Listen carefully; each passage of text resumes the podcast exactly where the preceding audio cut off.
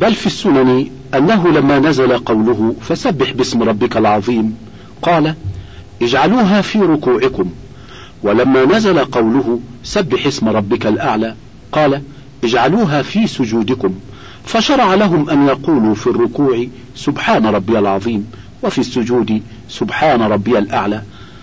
وفي الصحيح أنه كان يقول في ركوعه سبحان ربي العظيم. وفي سجوده سبحان ربي الأعلى. وهذا هو معنى قوله اجعلوها في ركوعكم وسجودكم باتفاق المسلمين. فتسبيح اسم ربه الأعلى وذكر اسم ربه ونحو ذلك هو بالكلام التام المفيد كما في الصحيح عنه صلى الله عليه وسلم أنه قال أفضل الكلام بعد القرآن أربع وهن من القرآن. سبحان الله والحمد لله ولا إله إلا الله والله أكبر. وفي الصحيح عنه صلى الله عليه وسلم أنه قال كلمتان خفيفتان على اللسان ثقيلتان في الميزان حبيبتان إلى الرحمن. سبحان الله وبحمده سبحان الله العظيم. وفي الصحيحين عنه صلى الله عليه وسلم أنه قال من قال في يومه مئة مرة لا إله إلا الله وحده لا شريك له له الملك وله الحمد وهو على كل شيء قدير. كتب الله له حرزا من الشيطان يومه ذلك حتى يمسي ولم يأت أحد بأفضل مما جاء به إلا رجل قال مثل ما قال أو زاد عليه. ومن قال في يومه مئة مرة سبحان الله وبحمده سبحان الله العظيم حطت عنه خطاياه ولو كانت مثل زبد البحر. وفي الموطأ وغيره عن النبي صلى الله عليه وسلم أنه قال أفضل ما قلته أنا والنبيون من قبلي لا إله إلا الله وحده لا شريك له له الملك وله الحمد وهو على كل شيء قدير. وفي سنن ابن ماجة وغيره عنه صلى الله عليه وسلم أنه قال أفضل الذكر لا إله إلا الله وأفضل الدعاء الحمد لله. ومثل هذه الأحاديث كثيرة في أنواع ما يقال من الذكر والدعاء. وكذلك ما في القرآن من قوله تعالى ولا تأكلوا مما لم يذكر اسم الله عليه. وقوله فكلوا مما أمسكن عليكم واذكروا اسم الله عليه. إنما هو قول بسم الله. وهذا جملة تامة إما اسمية على أظهر قولي النحاة أو فعلية. والتقدير ذبحي بسم الله أو أذبح بسم الله. وكذلك قول القارئ بسم الله الرحمن الرحيم. فتقديره قراءتي بسم الله أو أقرأ بسم الله. ومن الناس من يضمر في مثل هذا ابتدائي بسم الله أو ابتدأت بسم الله والأول أحسن لأن الفعل كله مفعول بسم الله ليس مجرد ابتدائه. كما أظهر المضمر في قوله اقرأ باسم ربك الذي خلق. وفي قوله بسم الله مجريها ومرساها. وفي قول النبي صلى الله عليه وسلم من كان ذبح قبل الصلاة فليذبح مكانها أخرى ومن لم يكن ذبح فليذبح بسم الله. ومن هذا الباب قول النبي صلى الله عليه وسلم في الحديث الصحيح لربيبه عمر بن أبي سلمة يا غلام سم الله وكل بيمينك وكل مما يليك. فالمراد أن يقول بسم الله ليس المراد أن يذكر الاسم مجردا. وكذلك قوله في الحديث الصحيح لعدي بن حاتم إذا أرسلت كلبك المعلم وذكرت اسم الله فكل وكذلك قوله صلى الله عليه وسلم إذا دخل الرجل منزله فذكر اسم الله عند دخوله وعند خروجه وعند طعامه قال الشيطان لا مبيت لكم ولا عشاء. وأمثال ذلك كثير. وكذلك ما شرع للمسلمين في صلاتهم وأذانهم وحجهم وأعيادهم من ذكر الله تعالى إنما هو بالجملة التامة. كقول المؤذن الله أكبر الله أكبر. أشهد أن لا إله إلا الله. أشهد أن محمدا رسول الله. وقول المصلي الله أكبر. سبحان ربي العظيم. سبحان ربي الأعلى. سمع الله لمن حمده. ربنا ولك الحمد. التحيات لله. وقول الملبي لبيك اللهم لبيك. وأمثال ذلك. فجميع ما شرعه الله من الذكر إنما هو كلام تام لا اسم مفرد لا مظهر ولا مضمر. وهذا هو الذي يسمى في اللغة كلمة. كقوله كلمتان خفيفتان على اللسان ثقيلتان في الميزان حبيبتان إلى الرحمن سبحان الله وبحمده سبحان الله العظيم. وقوله أفضل كلمة قالها الشاعر كلمة لبيد ألا كل شيء ما خلا الله باطل. ومنه قوله تعالى كبرت كلمة تخرج من أفواههم الآية. وقوله وتمت كلمة ربك صدقا وعدلا. وأمثال ذلك. مما استعمل فيه لفظ الكلمة من الكتاب والسنة بل وسائر كلام العرب فإنما يراد به الجملة التامة.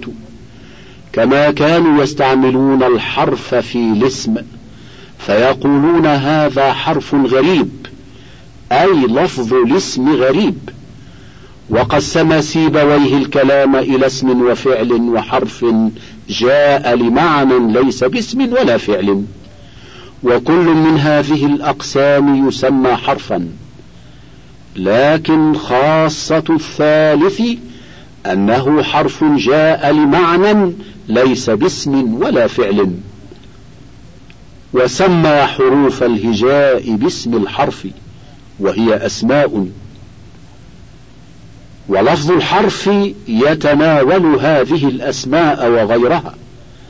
كما قال النبي صلى الله عليه وسلم من قرأ القرآن فأعربه فله بكل حرف عشر حسنات.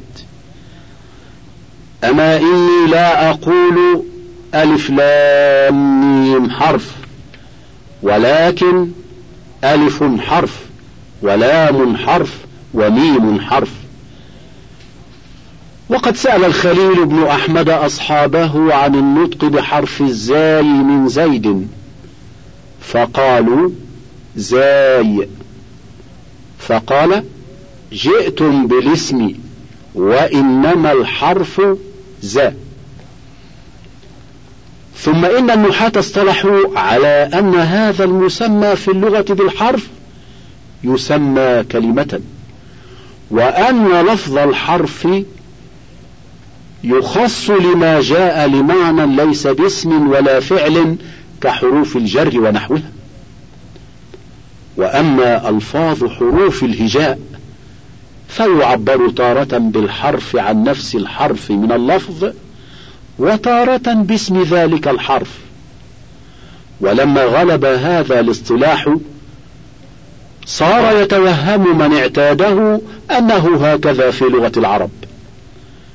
ومنهم من يجعل لفظ الكلمة في اللغة لفظا مشتركا بين الاسم مثلا وبين الجملة. ولا يعرف في صريح اللغة من لفظ الكلمة إلا الجملة التامة.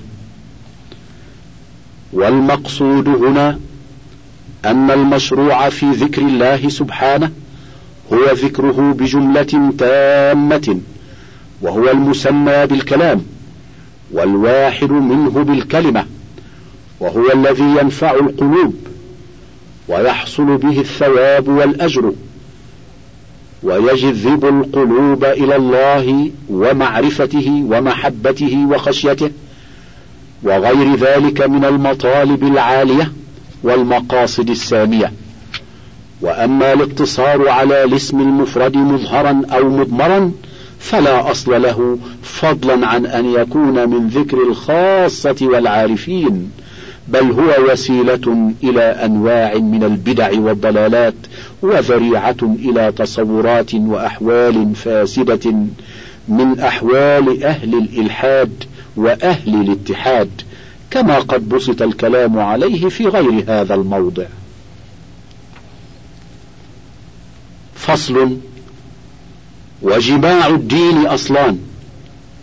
ألا نعبد إلا الله ولا نعبده إلا بما شرع لا نعبده بالبدع.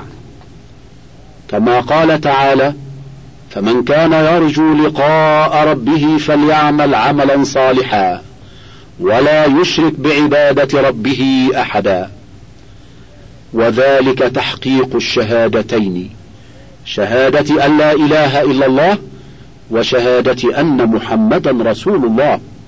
ففي الأولى ألا نعبد إلا إياه وفي الثانية أن محمدا هو رسوله المبلغ عنه فعلينا أن نصدق خبره ونطيع أمره.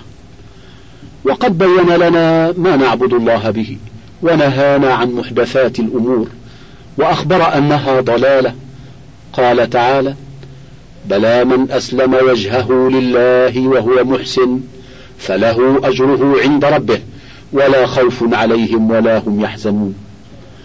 وكما أننا مأمورون ألا نخاف إلا الله ولا نتوكل إلا على الله ولا نرغب إلا إلى الله ولا نستعين إلا بالله وألا تكون عبادتنا إلا لله فكذلك نحن مأمورون أن نتبع الرسول ونطيعه ونتأسى به. فالحلال ما حلله والحرام ما حرمه والدين ما شرعه. قال تعالى ولو أنهم رضوا ما آتاهم الله ورسوله وقالوا حسبنا الله سيؤتينا الله من فضله ورسوله إنا إلى الله راغبون. فجعل الإيتاء لله وللرسول. كما قال وما آتاكم الرسول فخذوه وما نهاكم عنه فانتهوا. وجعل التوكل على الله وحده بقوله وقالوا حسبنا الله ولم يقل ورسوله. كما قال في وصف الصحابة رضي الله عنهم في الآية الأخرى الذين قال لهم الناس إن الناس قد جمعوا لكم فاخشوهم فزادهم إيمانا وقالوا حسبنا الله ونعم الوكيل. ومثله قوله يا أيها النبي حسبك الله ومن اتبعك من المؤمنين. أي حسبك وحسب المؤمنين. كما قال أليس الله بكاف عبده؟ ثم قال سيؤتينا الله من فضله ورسوله. فجعل الإيتاء لله وللرسول وقدم ذكر الفضل لله لأن الفضل بيد الله يؤتيه من يشاء والله ذو الفضل العظيم. وله الفضل على رسوله وعلى المؤمنين. وقال إنا إلى الله راغبون. فجعل الرغبة إلى الله وحده كما في قوله فإذا فرغت فانصب وإلى ربك فارغب. وقال النبي صلى الله عليه وسلم لابن عباس إذا سألت فاسأل الله وإذا استعنت فاستعن بالله. والقرآن يدل على مثل هذا في غير موضع. فجعل العبادة والخشية والتقوى لله وجعل الطاعة والمحبة لله ورسوله. كما في قول نوح عليه السلام أن اعبدوا الله واتقوه وأطيعون وقوله ومن يطع الله ورسوله ويخشى الله ويتقي فأولئك هم الفائزون. وأمثال ذلك. فالرسل أمروا بعبادته وحده والرغبة إليه والتوكل عليه وطاعته والطاعة لهم. فأضل الشيطان النصارى وأشباههم فأشركوا بالله وعصوا الرسول فاتخذوا أحبارهم ورهبانهم أربابا من دون الله والمسيح ابن مريم فجعلوا يرغبون إليهم ويتوكلون عليهم ويسألونهم مع معصيتهم لأمرهم ومخالفتهم لسنتهم وهدى الله المؤمنين المخلصين لله أهل الصراط المستقيم. الذين عرفوا الحق واتبعوه فلم يكونوا من المغضوب عليهم ولا الضالين فأخلصوا دينهم لله وأسلموا وجوههم لله وأنابوا إلى ربهم وأحبوه ورجوه وخافوه وسألوه ورغبوا إليه وفوضوا أمورهم إليه وتوكلوا عليه وأطاعوا رسله وعزروهم ووقروهم وأحبوهم ووالوهم واتبعوهم واقتفوا آثارهم واهتدوا بمنارهم وذلك هو دين الإسلام الذي بعث الله به الأولين والآخرين من الرسل وهو الدين الذي لا يقبل الله من أحد دينا إلا إياه وهو حقيقة العبادة لرب العالمين. فنسأل الله العظيم أن يثبتنا عليه ويكمله لنا ويميتنا عليه وسائر إخواننا المسلمين. والحمد لله وحده وصلى الله على سيدنا محمد وآله وصحبه وسلم. شرح قول الشيخ عبد القادر الجيلاني نازعت أقدار الحق بالحق للحق لشيخ الإسلام ابن تيمية. أشار شيخ الإسلام في رسالة العبودية لقول الشيخ عبد القادر الجيلاني هذا فأحببت نقل شرحه لها لأن بعض المتصوفة حاول استغلال هذه الكلمة على غير مراد الشيخ عبد القادر رحمه الله. سئل شيخ الإسلام عن معنى قول الشيخ عبد القادر نازعت أقدار الحق بالحق للحق فأجاب الحمد لله. وبعد فإن جميع الحوادث كائنة بقضاء الله وقدره. وقد أمرنا الله سبحانه أن نزيل الشر بالخير بحسب الإمكان ونزيل الكفر بالإيمان والبدعة بالسنة والمعصية بالطاعة من أنفسنا ومن عندنا. فكل من كفر أو فسق أو عصى فعليه أن يتوب وإن كان ذلك بقدر الله وعليه أن يأمر غيره بالمعروف وينهاه عن المنكر بحسب الإمكان ويجاهد في سبيل الله. وإن كان ما يعمله من المنكر والكفر والفسوق والعصيان بقدر الله. ليس للإنسان أن يدع السعي فيما ينفعه الله به متكلا على القدر بل يفعل ما أمر الله ورسوله. كما روى مسلم في صحيحه عن النبي صلى الله عليه وسلم أنه قال المؤمن القوي خير وأحب إلى الله من المؤمن الضعيف وفي كل خير احرص على ما ينفعك واستعن بالله ولا تعجزن وإن أصابك شيء فلا تقل لو أني فعلت لكان كذا وكذا ولكن قل قدر الله وما شاء فعل. فإن لو تفتح عمل الشيطان. فأمر النبي صلى الله عليه وسلم المسلم أن يحرص على ما ينفعه والذي ينفعه يحتاج إلى منازعة شياطين الإنس والجن ودفع ما قدر من الشر بما قدره الله من الخير. وعليه مع ذلك أن يستعين بالله فإنه لا حول ولا قوة إلا به. وأن يكون عمله خالصا لله. فإن الله لا يقبل من العمل إلا ما أريد به وجهه. وهذا حقيقة إياك نعبد. والذي قبله حقيقة وإياك نستعين. فعليه أن يعبد الله بفعل المأمور وترك المحظور. وأن يكون مستعينا بالله على ذلك. وفي عبادة الله وطاعته فيما أمر إزالة ما قدر من الشر بما قدر من الخير ودفع ما يريده الشيطان ويسعى إليه من الشر قبل أن يصل بما يدفعه الله به من الخير. قال الله تعالى ولولا دفع الله الناس بعضهم ببعض لفسدت الأرض كما يدفع شر الكفار والفجار الذي في نفوسهم والذي سعوا فيه يدفع بالحق كإعداد القوة ورباط الخيل وكالدعاء والصدقة اللذين يدفعان البلاء.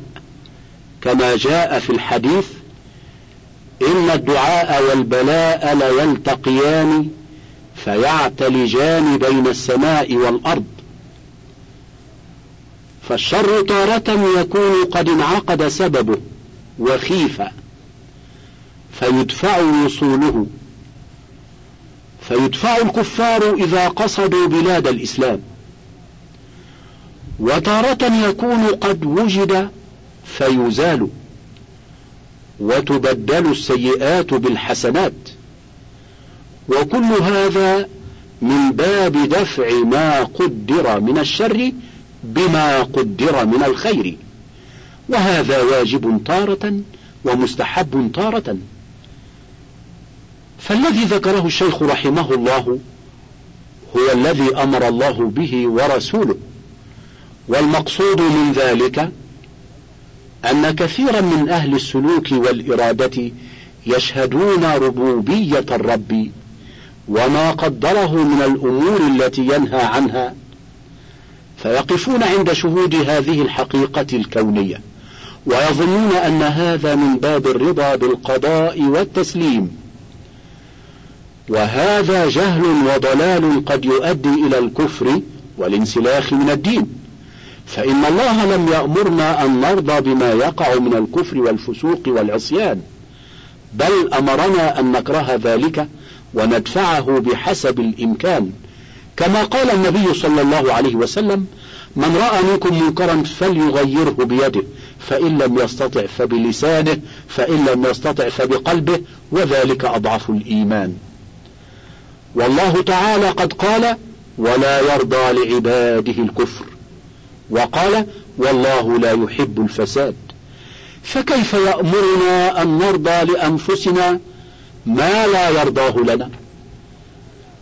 وهو جعل ما يكون من الشر محنة لنا وابتلاء كما قال تعالى وجعلنا بعضكم لبعض فتنة.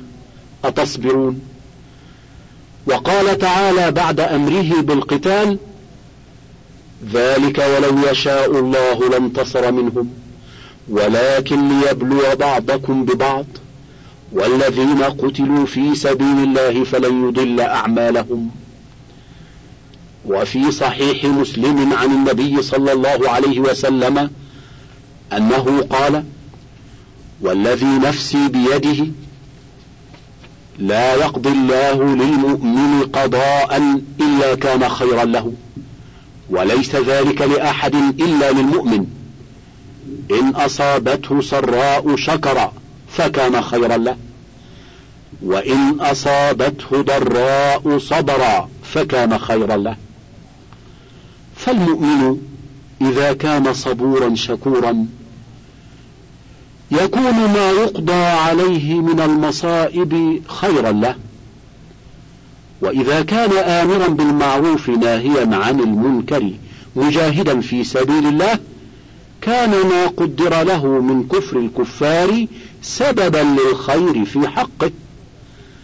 وكذلك إذا دعاه الشيطان والهوى كان ذلك سببا لما حصل له من الخير.